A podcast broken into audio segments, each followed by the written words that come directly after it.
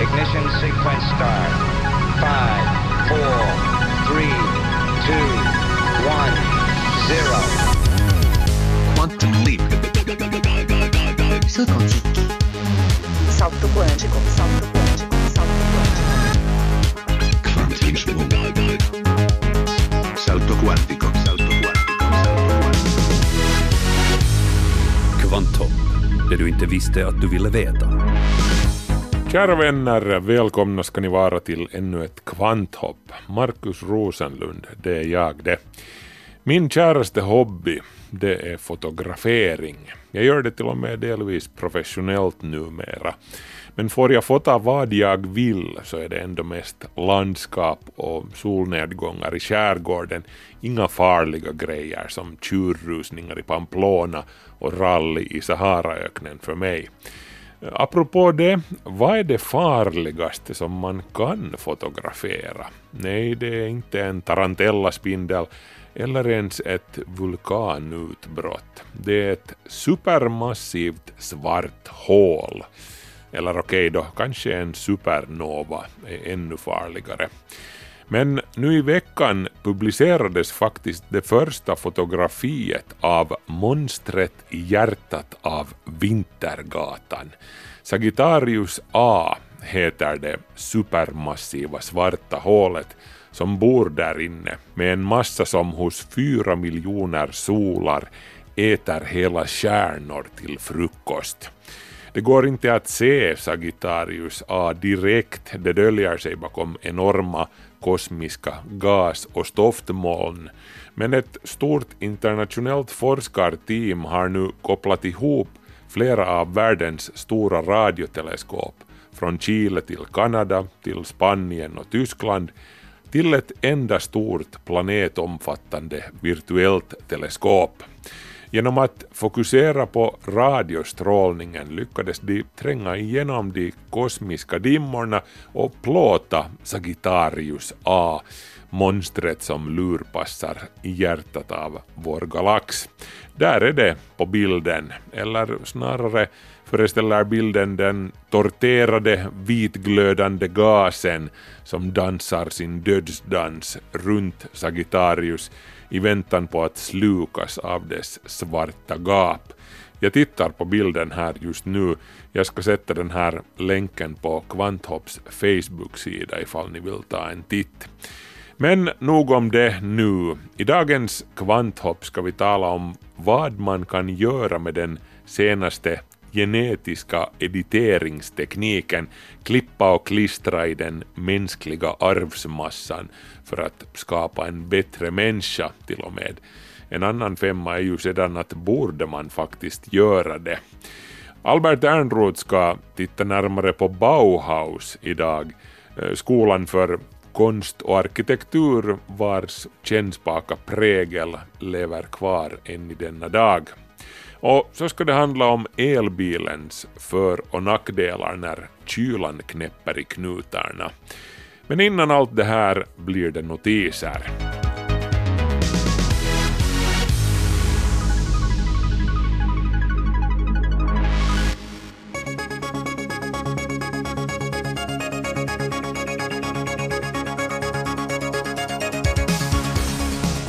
Det går lite trögt på mobiltelefonmarknaden just nu.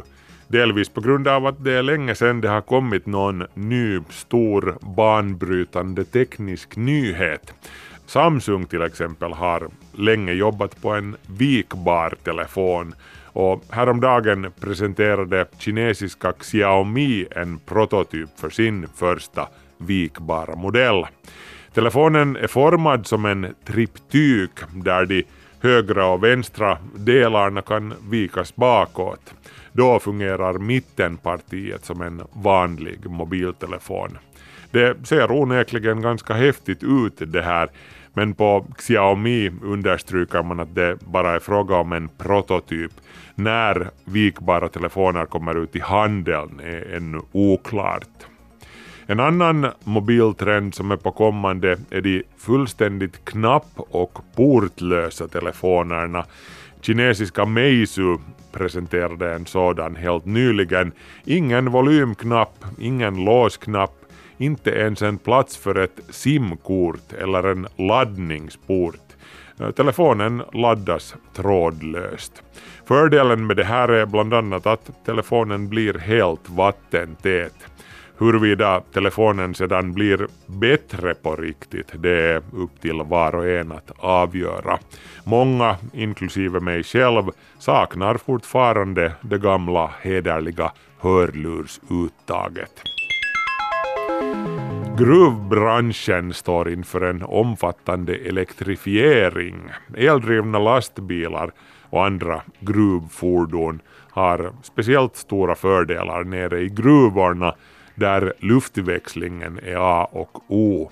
Av gruvornas energiförbrukning går mer än hälften åt till pumparna som sköter om att avlägsna dieselröken som lastbilarna producerar och ersätta den med frisk luft. Och det här blir dyrt helt enkelt. Dieselmotorer producerar inte bara avgaser utan också en mängd värme vilket kräver investeringar i form av luftkonditionering i gruvorna. Ett av världens största företag när det kommer till guldgruvor, kanadensiska Goldcorp, räknar med att kunna spara in 2 miljoner liter dieselolja och en miljon liter propangas per år bara genom att byta ut de dieseldrivna gruvmaskinerna i sin gruva i Borden Lake i Kanada till elektriska maskiner. Att anlägga nya gruvor blir också billigare då gruvschakten kan göras mindre när luftväxlingen inte tar upp lika mycket utrymme. Ett av Donald Trumps löften som president var ända från början att kol ska göra en comeback som energikälla. Men hur gick det med den saken? Nå, inte riktigt som på Strömsö om vi säger så.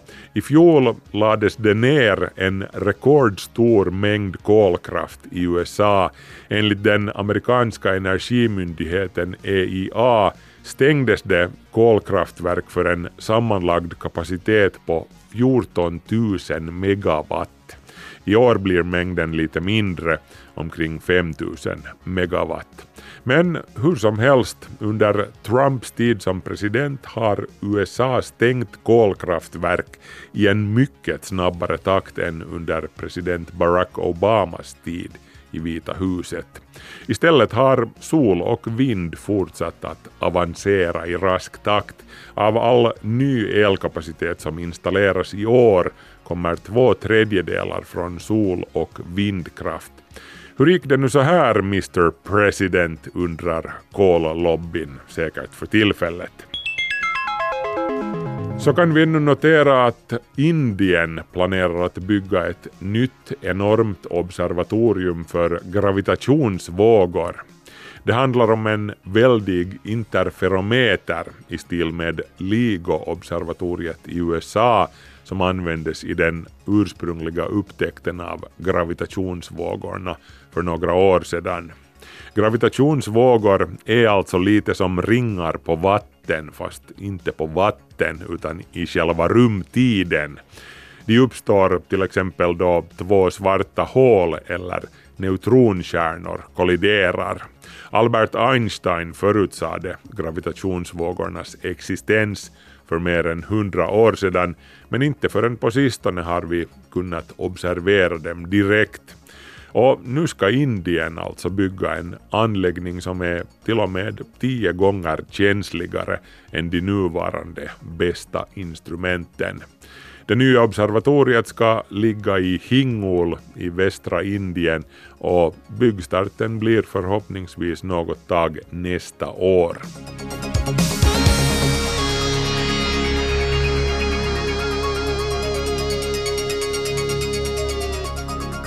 2018 var året då de första genförändrade barnen föddes, om man får tro de uppgifter som har varit i cirkulation.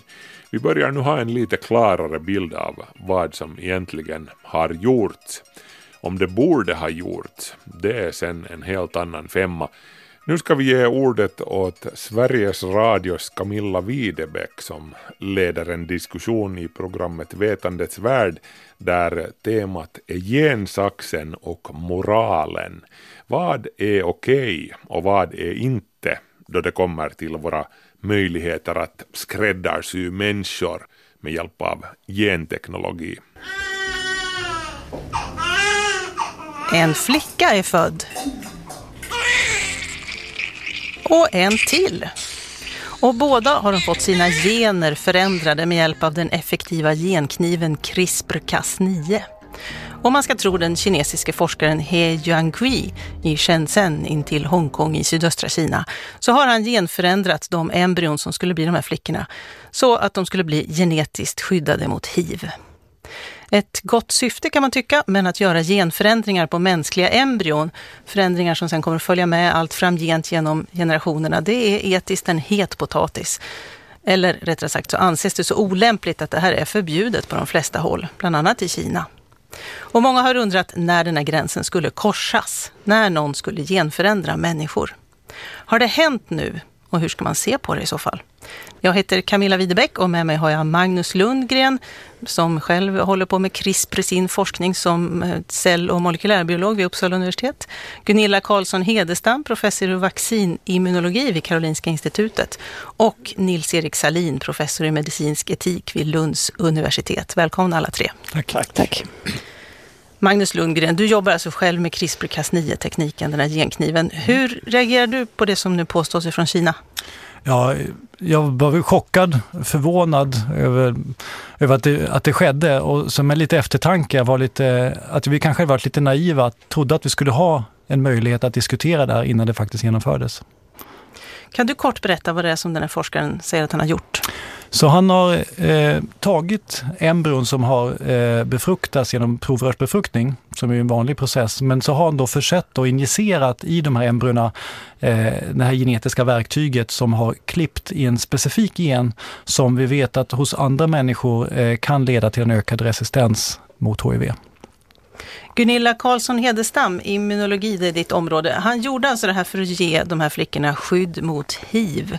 Och just det här genetiska skyddet mot hiv, hur viktigt och bra är det? Ja, det är väl känt att just den här molekylen som genen eh, producerar ger, eh, det finns varianter naturligt som eh, helt enkelt ger nästan totalt skydd mot HIV om de finns på båda kromosomerna. Eh, så att av den anledningen så kan man förstå varför han har gjort det här med eh, just den här genen. Sen är det inte, absolut inte försvarbart att han har eh, kört på så här långt innan debatten om det här ska bli eh, tillåtet eh, har tagit plats. Så att det, han har ju så att säga gått förbi hela forskarsamhället och gjort det här på egen hand. Diskussionen har inte hunnit med, det var ju vad Magnus Lundgren sa också.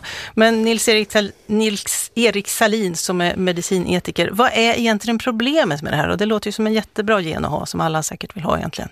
Det finns många gener man vill ha men som man inte har. Och eh, eh, det, första, jag är inte ett dugg överraskad att detta, jag har bara väntat på det. Och eh, så att, att forskarsamhället är överraskade tycker jag är det mest överraskande.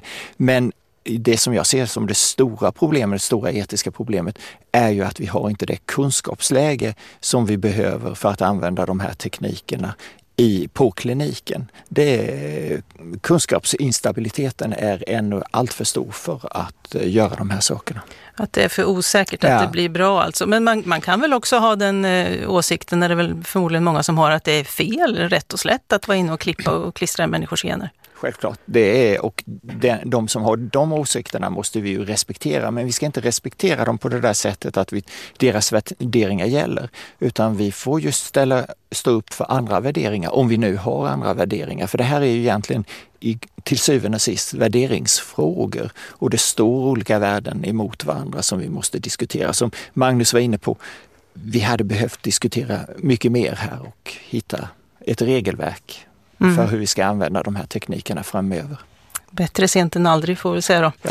Den här forskaren He Jiankui, han pratade om den här genförändringen av tvillingarna på en vetenskaplig konferens i Hongkong och det tog in, togs inte väl emot där av andra forskare. Arrangörerna från vetenskapsakademier i Kina, Storbritannien och USA, de skriver i ett uttalande om detta att det här går emot internationella normer. Det var fel syfte att göra det för. Det var en dålig studie. Det var bristande etik i hur man skyddar de som forskningen har gjorts på och brist på transparens. Det är verkligen ord och inga visor. Vad tänker du om det här, Magnus Lundgren, de ja, kommentarerna? Jag kan bara hålla med. Det är, det är väldigt mycket frågetecken kring den här studien och det är också väldigt märkligt att man kan nu ska det ha läckt ut i förtid då, men att den här informationen inte är glasklar. Att det inte är självklart vad som gäller kring alla de här frågorna som har väckts. Nils-Erik Salin, vad tänker du om uttalandet från de andra forskarna? Jag tycker det är ett jättebra uttalande. Det är mycket glädjande att man har gjort det och gjorde det så snabbt. Eh, och jag kan skriva under på i stort sett allt de säger. Forskaren själv, He Jiankui, han har sagt att det här var ett bra sätt att visa att tekniken fungerar och att de här flickorna kommer att ha nytta av den här HIV, det här hiv-skyddet eftersom det inte finns något vaccin mot hiv. Vad säger du om hans försvar, Gunilla Karlsson Hedestam, immunolog?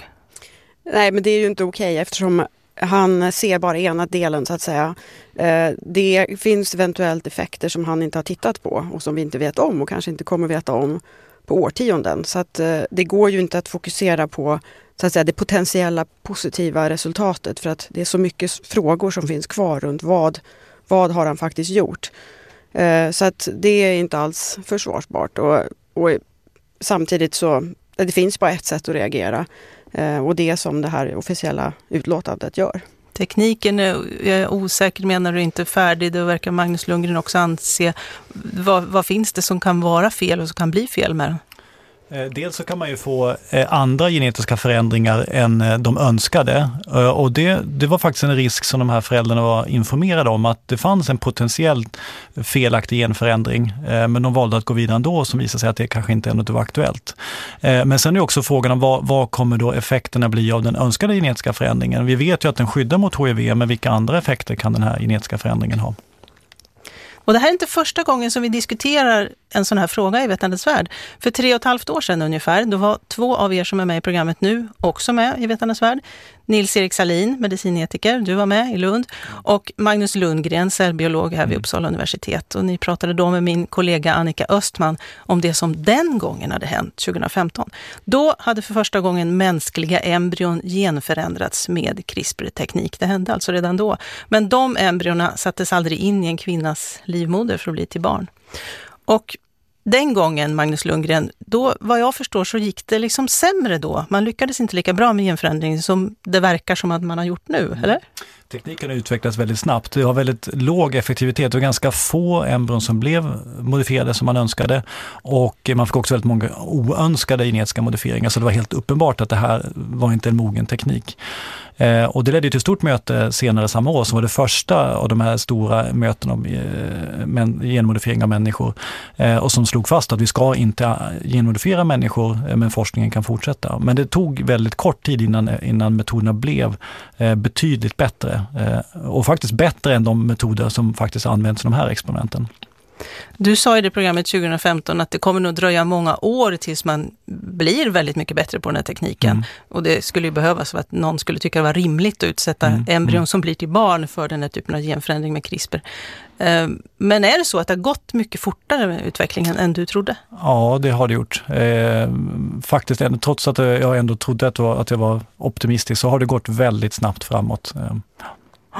Men diskussionerna har inte hunnit med däremot. Det har funnits mycket diskussioner, har, men, men det är en långsam process, särskilt en politisk process om man ska liksom ändra regelverk och lagar. Så är det ju, vi, vi hade ju ett möte i Stockholm eh, för eh, knappt ett år sedan och diskuterade just det här med Statens medicinetiska råd och de lämnade över eh, en kallelse till att, en granskning och, och uppdatering av, av Sveriges lagar. Men den processen är ju, tar ju lång tid. Mm. Forskaren He Jiangui, han säger att han nu har avbrutit sin verksamhet på grund av att uppgifterna har läckt ut, som han säger att de har gjort. Det var inte han som ville gå ut med dem nu då. Men han har också skickat en publikation, säger han, till en vetenskaplig tidskrift så att han vill publicera det här vetenskapligt. Och då blir jag lite nyfiken på hur ska man se på det? Och när han nu har gjort forskning som måste rimligen vara väldigt vetenskapligt viktig, men på ett sätt som hela forskarsamhället tycker är helt oetiskt. Kan en tidskrift anta en sån, en sån eh, artikel? Nils-Erik Sarin, medicinetiker, vad, vad säger du om det? Normalt har man ju ett krav på etikprövning eh, när man gör sådana här saker. Och nu vet jag inte om man har etikprövning, allt tyder på att han inte har det. Och då bör ju inte tidskrifterna publicera. De brukar ställa krav på att man har etikprövning innan de publicerar artiklar. Så det ska bli spännande att se hur man hanterar det här på ett eh, forskningsetiskt riktigt sätt. Vad tänker du om det, Magnus Lundgren? Ja, jag håller med. Det, tidskrifter har ju ett krav på att inte publicera o, alltså data, resultat som har tagits fram på ett oetiskt sätt. Så det är jätteviktigt, även om själva resultaten stämmer. Så att det, det är högst tveksamt om det går att publicera. Men det, det måste ju vara väldigt alltså ett viktigt forskningsresultat, om man nu säger att det inte fanns några etiska frågor överhuvudtaget. Mm, mm. Det måste ändå vara viktig kunskap som kommer fram. Hur ska man se på det? Ja, man, man ser det som, då skulle det eh, sätta en standard om att man inte behöver ta hänsyn till etiken för att eh, publicera viktiga resultat. Det kommer ju gå att publicera i någon sorts tidskrift någonstans förstås. Eh, precis som det här fallet med den första mänskliga genmodifieringen som publicerades i, i, en, i en eh, ganska lågt rankad eh, tidskrift. Eh, och de, de mer inflytelserika tidskrifterna tackar ju nej till den artikeln. Vad tänker du om det här med publicering, Gunilla Karlsson Hedestam? Ska man läsa en sån här, ska man, ska man publicera snarare en sån här vetenskaplig artikel? Ja, först och främst kan man ju eh, ifrågasätta att han säger att det här har läckt ut eftersom han har själv ändå valt att presentera det här på det stora mötet. Eh, så då har han uppenbarligen planerat att göra det och han har ju även lagt ut eh, information själv. Och, så att det är svårt att, att tänka sig att han inte ville komma fram med det här. Jag tror tvärtom att han egentligen, det kanske var ett huvudmål han hade att vara först så att säga. Och att han är medveten om att det inte får gå till så här, men han tog ändå chansen. Och kanske på de här barnens bekostnad. Vad ska man, vad ska man tro om eh, hur det här påverkar de här barnen som det faktiskt handlar om? Vem vill svara på det? Ja, ja, det, var en av de, ja, det var en av de saker som slog mig och det var att de här barnen är ju dömda att vara forskningsobjekt eller forskningspersoner hela sitt liv. Och det där kan man ju säga, det uppstår i många forskningssammanhang att den som är först man gör en studie på får leva med det där. Men här kommer de ju att eh, eh, troligen drabbas väldigt hårt. Det går inte att hålla, hemlighålla vilka de är. Det är bara en tidsfånga innan de finns i tidningarna och sen vill man följa dem under hela sin livstid. Hela ja, deras det. livstid. Så även, om, även om det inte har gått fel rent genetiskt, så att säga, om de inte blir drabbade på det viset, så blir de drabbade så här? De blir drabbade av eh, horder av eh, vetenskapsmän och journalister som vill eh, titta på dem och intervjua dem. Det är min gissning. Och det är ju en en moralisk aspekt på detta också. Ja, det är det ju. Men rent genetiskt också, det var någon som sa, det var du Magnus Lundgren kanske, som sa att det kan också uppstå genförändringar när man har försökt göra det här som man inte riktigt hade koll på. Vad, vad skulle kunna drabba dem? Mm. Så det är en stor eh, oro kring utvecklingen av fältet. Det har varit väldigt viktigt att möta i utvecklingen av fältet och, och som, att man, inte, man får undviker andra genetiska förändringar de man vill ha. För det kan ju leda till andra eh, ärftliga sjukdomar som man skapar då. Eh, det kan också leda till, till en benägenhet att ha, eh, utveckla cancer och andra sorts sjukdomar som är kopplade till, till genetiken. Jo, eh, kan du säga vilka sjukdomar det skulle kunna leda till eller har, har man bara ingen koll? Ja, alltså det, det, finns ju tusentals sjukdomar som vi vet är kopplade till specifika genetiska förändringar och har man den förändringen så får man den sjukdomen. Så, eh, det, det, finns ju cystisk fibros, Duchennes muskeldystrofi, det finns eh, blödarsjuka och långsjukdomar. Och, men klart, de har ju försökt att, att kolla upp så att eh, han har ju liksom försökt se att det här inte har skett. Och han, som sagt, han hittade ju en misstänkt felaktig genetisk förändring men som inte var i en gen utan en sån här liten bit DNA mellan gener. Eh. Mm. Ja, det finns många frågetecken här. Och som sagt, vi vet inte ens om, han, om det faktiskt är sant att han har gjort det, för han har inte alls varit transparent med att han har tagit fram de här gen eller tagit fram, vad hemskt det låter, att de här, han har genförändrat embryon som sen har fötts och blivit ett par bebisar, tvillingflickor med eh, i någon mån, som i någon mån har fått genetiskt skydd mot hiv. Då.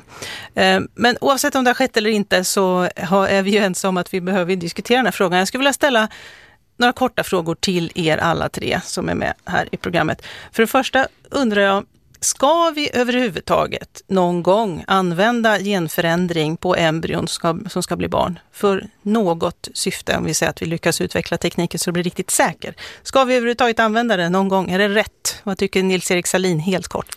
Ja. Vad tycker Magnus Lundgren? Ja. Vad tycker Gunilla Karlsson Hedestam? Ja, jag tycker inte man kan stänga dörren till det helt för det kan ha en, en stor positiv effekt i vissa fall. Intressant att ni, var, att ni tyckte det var bra allihopa, för då blir jag nyfiken på vad ska vi använda det till? Vad säger man, Magnus Lundgren som är biolog? Ja, det är ju framförallt att möta medicinska behov som vi inte klarar att möta på andra sätt. Det måste ju vara det mest kritiska kriteriet. Det här är enda lösningen. Eh, och balansera risk och nytta. För det är ju inte bara risk och nytta för den individen som skapas utan för de kommande generationer. Hur kommer den här genen och genförändringen att påverka kommande generationer? Vad kan vi säga om det? Så det, det kräver ju otroligt mycket kunskap. Vad skulle det vara till exempel för något då? Alltså framförallt är de här eh, direkt ärftliga sjukdomarna eh, som, som beror på en enstaka genetisk förändring, som man till exempel tar eh, cystisk fibros. Jag, tillhör, jag faktiskt har bekanta som har barn som har gått bort i ärftliga sjukdomar och då har de ju genomgått det som heter preimplantatorisk genetisk diagnostik, så vi kan ju redan hantera det här. Men då skulle ju eh, genredigering kunna vara ett alternativ till det. Vad säger eh, Nils-Erik, eh, när jag börjar med Gunilla Karlsson Hedestam som är immunolog, vad tycker du man skulle använda det till?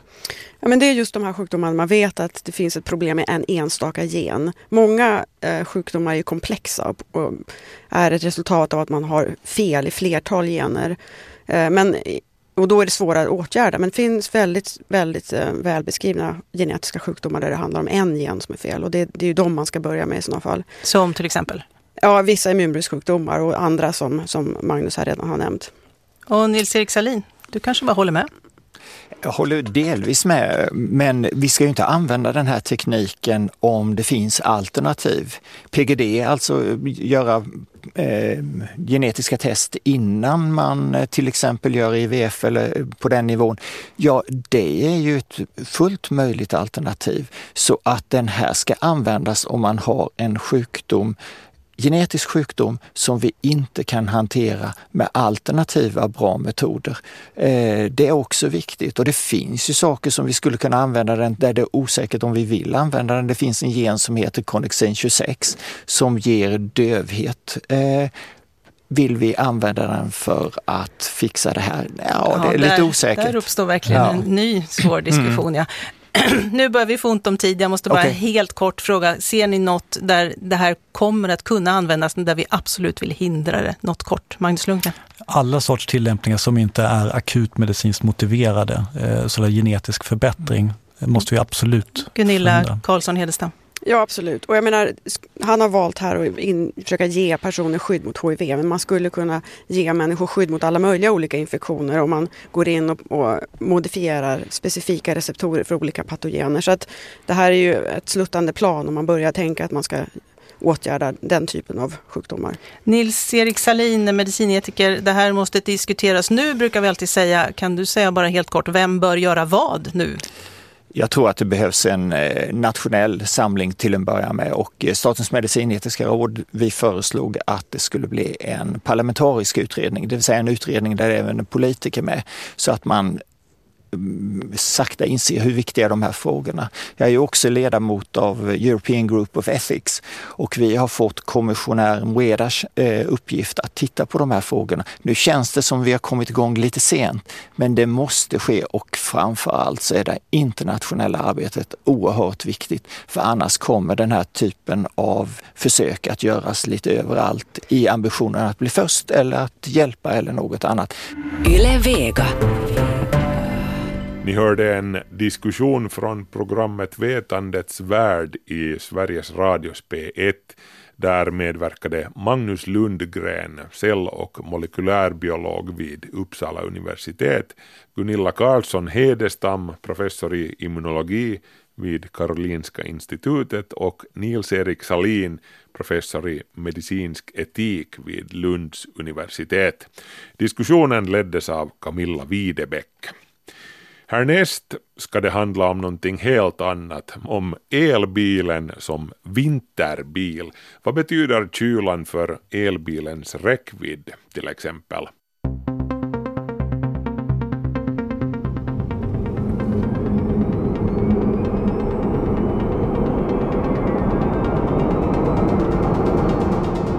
Elbilen är en riktigt prima vinterbil om man ser på köregenskaperna. Man behöver inte heller oroa sig för att den inte startar då det är smällkallt ute. Men det gäller att se till att hålla batterierna laddade om man vill vara säker på att ha ström nog för att nå sin destination.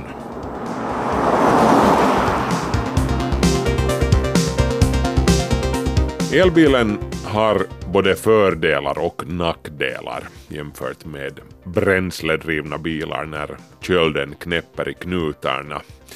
Till fördelarna hör att elbilen är enklare till sin konstruktion än en bensinbil. En elmotor behöver ingen olja och den har betydligt färre rörliga delar än en bensin eller dieselmotor.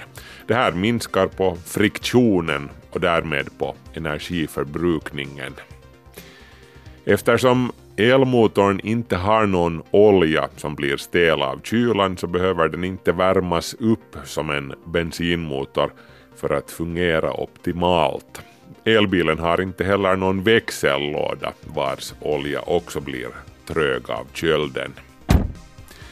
Kupén i en elbil behöver däremot värmas upp precis som i en bensinbil. Värmer du elbilens kupé med bilens egen inbyggda elvärme då förbrukar det ju rätt mycket elektricitet vilket förkortar elbilens räckvidd på en laddning. Det lönar sig med andra ord att värma upp bilen och dess batterier innan man kör iväg medan bilen ännu är ansluten till elnätet.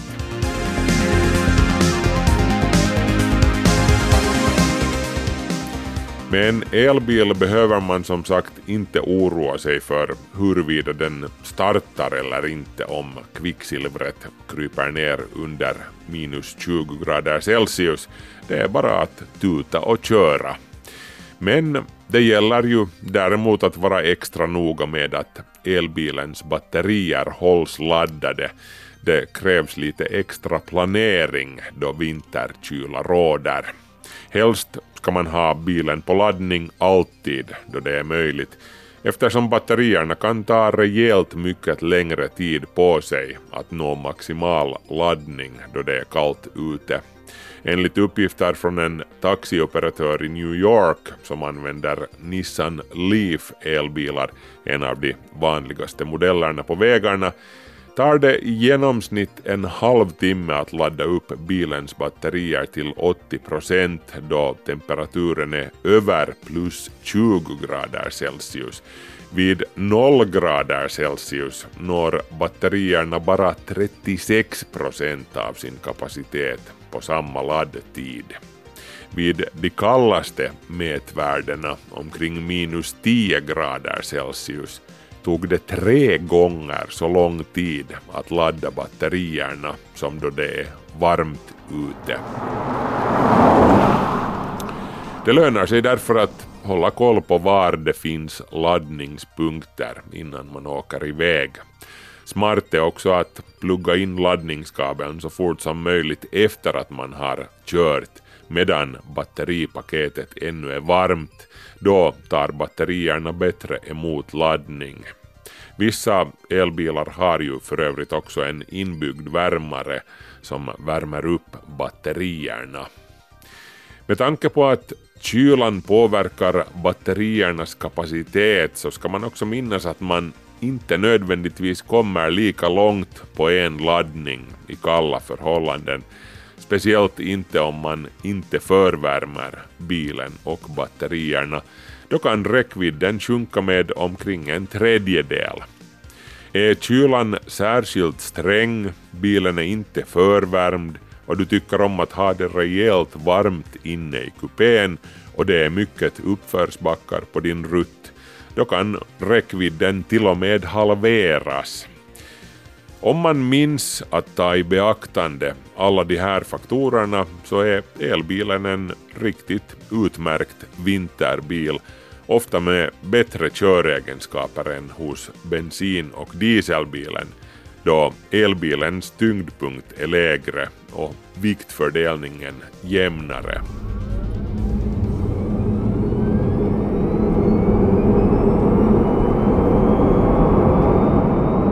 Dessutom ska man ju komma ihåg att också en bränsledriven bils räckvidd påverkas negativt i sträng kyla då bränsleförbrukningen går upp på grund av ökad friktion på grund av kylan. Att kallstarta en bensin eller dieselmotor i sträng kyla sliter också rätt mycket på motorn. Det lönar sig dock inte att låta bilen gå sig varm på tomgång ute på gården medan man dricker sitt morgonkaffe. Då är det helt enkelt smartare att bara starta då man ska köra iväg och köra lugnt och långsamt de första kilometrarna tills motorn når optimal temperatur. Så här sparar man på både motorn och på bränslet jämfört med att värma upp med hjälp av tomgång.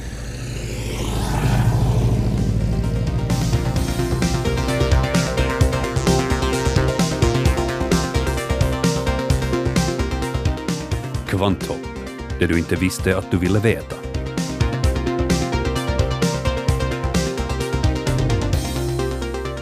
I år är det hundra år sedan arkitekten Walter Gropius bildade Bauhausskolan i Weimar. Samtidigt utarbetade man den nya republikens författning i Weimar. Men Weimar upplevde redan på 1800-talet två glansperioder.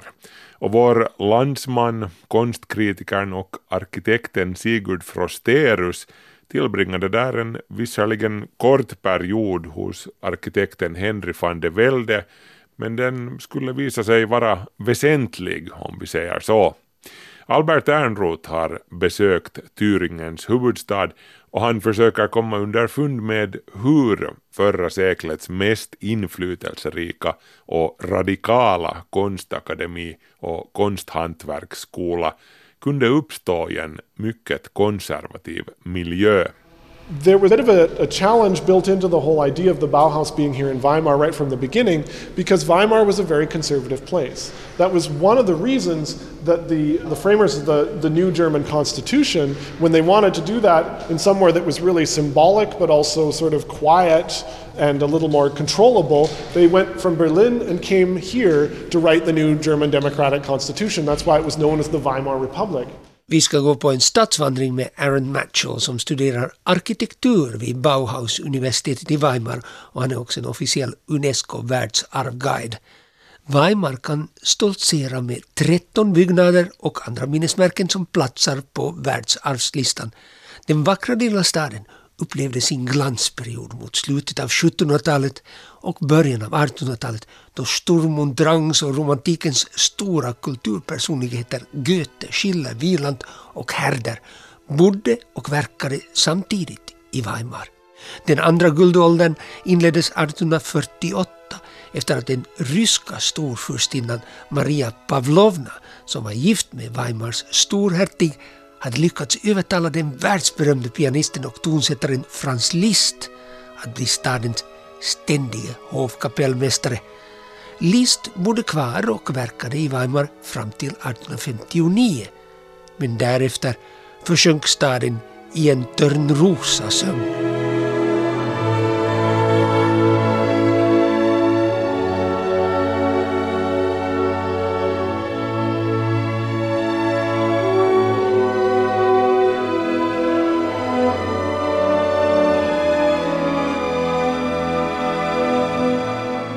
Vi hörde ett litet stycke ur Wagners opera Lohengrin som fick sin världspremiär i Weimar.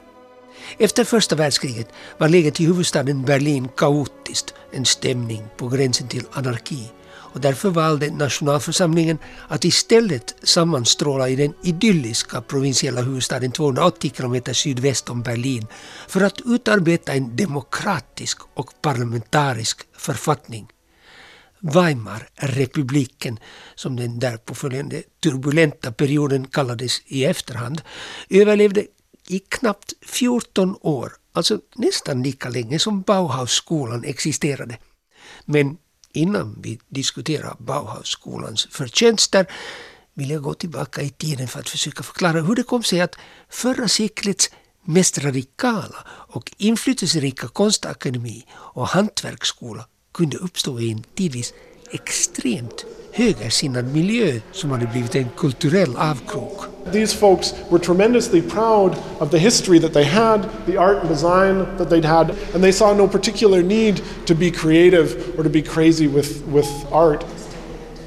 Visst, Weimarborna var stolta över sitt kulturella arv men de var mindre roade av konstiga kulturnissar. Som sagt, de var mycket konservativa.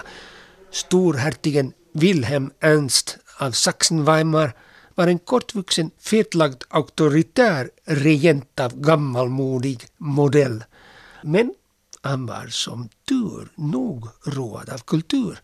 Och i början av förra seklet försökte han återuppliva Weimars kulturella rykte. Därför bad han 1904 den ansedde belgiske konstnären, formgivaren och arkitekten Henri van de Velde att bygga två nya konsthögskolor och bli chef för den nyskapade konsthantverksskolan. At the time that he'd come to Weimar, he really hadn't built very much. He'd only just built a few houses in Belgium, and so these were the first buildings of any of this sort of scale that he'd ever constructed. Konstakademin existerade redan, men den behövde en ny anläggning. Van der Velde skulle dessutom bilda och leda den nya konsthantverksskolan och, som sagt, bygga dess nya lokaler. Som arkitekt var van der Velde egentligen fortfarande ganska oerfaren, men han var en högt uppskattad inredningsarkitekt och formgivare av konsthantverk allt från golvmattor och silverbestick till sin unga makas kläder. Idag anses van der Velde vara en av Art Nouveaus, alltså jugendstilens pionjärer. Vi befinner oss nu i Konstakademins huvudflygel. Idag utnyttjar Bauhaus-universitetet den ganska nyligen renoverade byggnaden. Now this building was designed by Henry van der Velde to maximize the, the everyday function of it. He wanted to maximize the studio space. He didn't want to sacrifice a bunch of space for a gallery or public space. And that meant that this space here really became a public gathering space. Konstakademin och Konsthantverksskolan uppfördes båda i jugendstil, men de är helt befriade från historicismens utsmyckningar. Fasaderna är relativt strama för att vara jugend och de stora metallinramade ateljéfönstren ger den soliga sidan av Konstakademin nästan en industriell karaktär. Det är egentligen bara de smidda, dekorativa balkongräcken som avslöjar jugendstilens formvärld. Henri von der ritade tre olika trapphus i Konsthögskolan och huvudtrappuppgången har blivit ikonisk. But also in terms of the staircase itself, it really unifies aesthetics with the structural needs of it and the, the functional needs of it. Um, all into one rather elegant elliptical spiral going all the way up here. You don't have the feel that any one component is out of place or that there's a, a particular compromise. Den the whole thing works elliptiskt formade trappuppgången hör till de mest instagrammade moderna trapphusen. Ljust, elegant, funktionellt och före sin tid. Och nu ska vi träffa Dr. Thomas Föhl som har skrivit en monografi om Henri van der Velde. Vi befinner oss i Haus Hohe Pappeln som den belgiska arkitekten lät bygga på utkanten av Weimar åt sig själv och sin unga familj. Och det märkliga är att van der Velde ritade huset inifrån ut, berättar Thomas Föhl. Nach außen, genau. Da- da- Das bedeutet, dass, dass, dass er die Funktionen halt so denkt, wie, wie, wie man sie braucht. Und, und da- danach richtet sich die, die Fassade, nicht umgekehrt. Man macht nicht, das, äh, man macht nicht die Fassade und dann die Räume, sondern man macht erst die Räume und dann das Aus, Äußere. Also Und das war sehr ungewöhnlich. sehr ungewöhnlich, ja, ja, sehr ungewöhnlich, ja. Inomhusarkitekturen och rummens funktion prioriterades av van der Velde och utsikten mot trädgården var också väsentlig. Och därför är väl husets fasad ganska förvirrande. Jag lägger märke till att huvudingången är praktiskt taget undangömd. Vår landsman, arkitekten, konstkritikern och färgteoretikern Sigurd Frosterus tillbringade 1903-1904 vid Henris arkitektbyrå i Weimar. Frosterus påverkades mycket starkt av van der Velde och de blev också genuint goda vänner. Der, der, der Frosterus war, war Assistent. Der, der, der, der, war, der war der Welle hatte einen Freund, der hieß Willy Finch, und der, das, der, der ging auch nach, nach Finnland. Ja. Und das war ein Keramiker und der, der war mit dem, der kannte den Frosterus und hat, hat den Frosterus hierher empfohlen. Der war mit seinem Studium fertig, Frosterus, und kommt hierher als Assistent. Und ist hier, ist hier eine ganz, eine, eine, also ungefähr ein Jahr hier in Weimar, ist, ist, ähm, tut mit, mitarbeiten und, und geht dann wieder zurück nach Finnland. Aber die, also, hat aber lebenslang Kontakt mit Van der Velde. Van der Velde umgicks också med sin egen landsman, konstnären Alfred Willy Finch. Ett bekant namn i Finland eftersom han lockades till Borgå för att bli chef för Irisfabrikens keramikverkstad.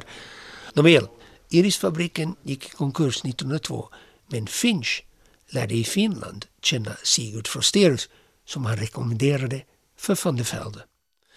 Frosterus ganska korta vistelse i Weimar, varade bara i ett år, betydde mycket för hans konstnärliga utveckling. Det var där han utarbetade tävlingsförslagen i Art Nouveau-stil för järnvägsstationerna i Helsingfors och Viborg. Visserligen vann hans bidrag inte, men han och kollegan Gustav Stringell väckte en livlig debatt om rationell arkitektur och deras manifest Arkitektur, en stridsskrift startade striden mot den finska nationalromantikens dominans. Frau Frosterus hat Velde sehr bewundert. Man hat auch viel, viel von ihm gelernt und, und, und die hatten auch lebenslang Kontakt. Und Frau Frosterus kauft dann auch die gleiche Kunst, so, also kauft dann auch Signac und kauft dann auch Samarbetet mellan den impulsive belgaren och den mer analytiske finländaren tycks ha fungerat eftersom van der Velde föreslog att de skulle grunda en gemensam arkitektbyrå. Men Frosterus beslöt att fortsätta med sin egen byrå hemma i Helsingfors. Frosterus fick tack vare van der Velde många kontakter med betydande kulturpersonligheter och skrev också några djupgående essäer om sin läromästare. Inflytandet märks tydligast i en del möbler och arkitektoniskt i affärs och bostadshuset Taos på hörnet av Boulevarden och Jorgsgatan i Helsingfors.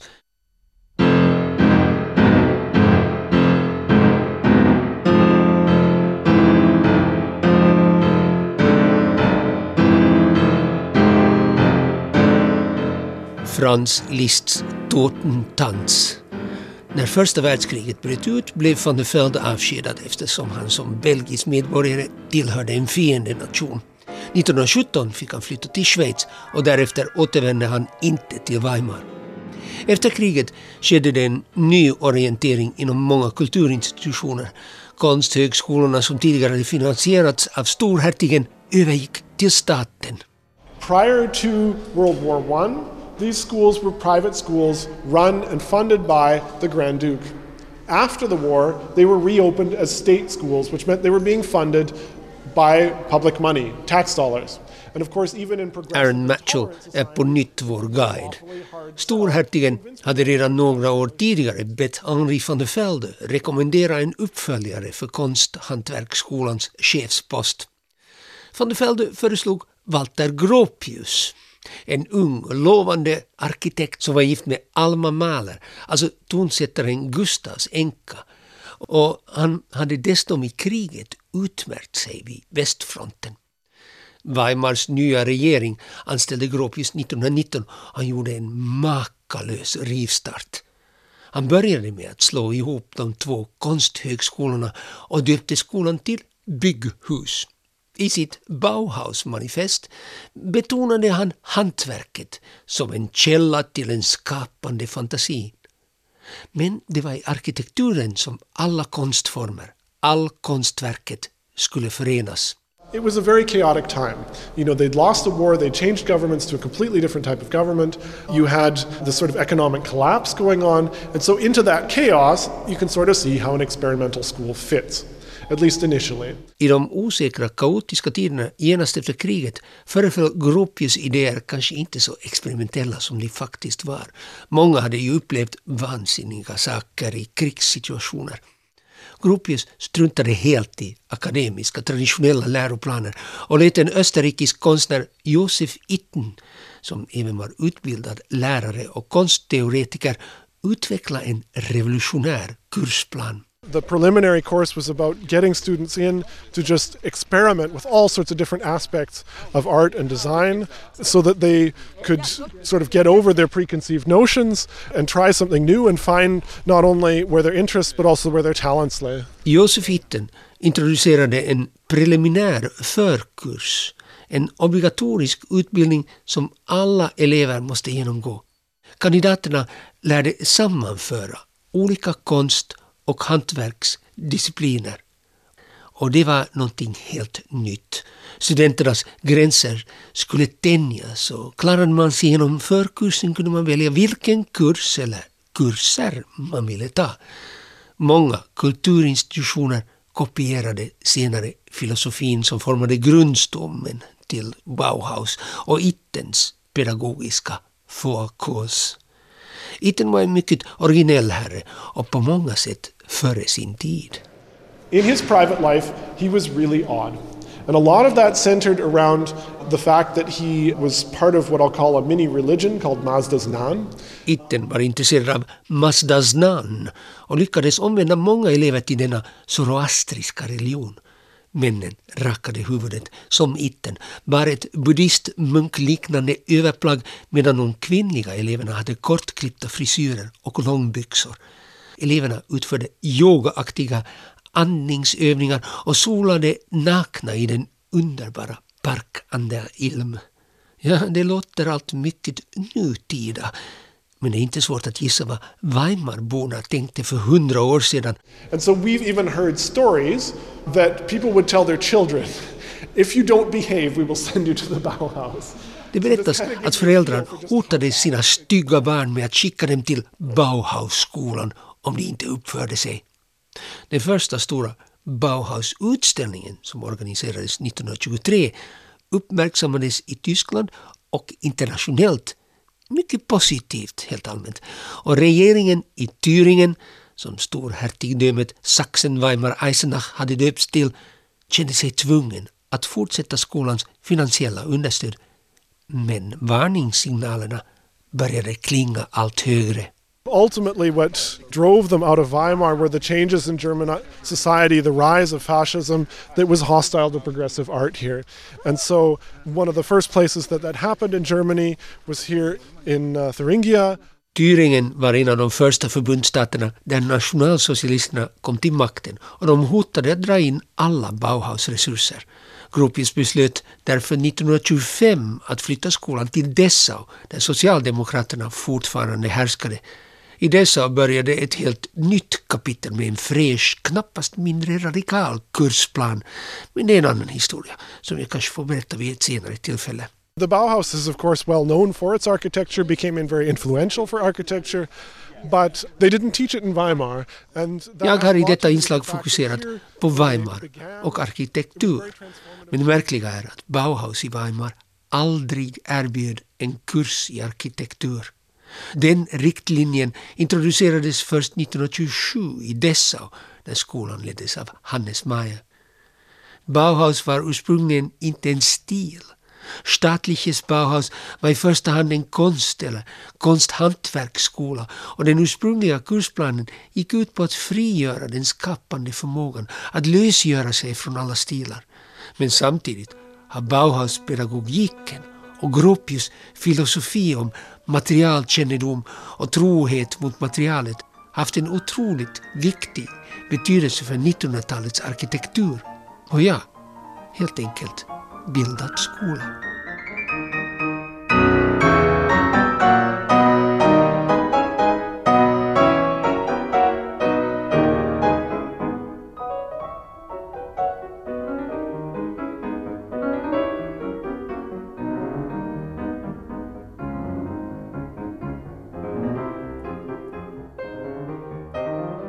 Albert Ernroth var det som avslutade inslaget om Weimar med Franz Liszts Grand Galopp Kromatik. För övrigt så öppnar det nybyggda Bauhausmuseet i april i Weimar. Det blir det första seriösa museet som tillägnas skolan.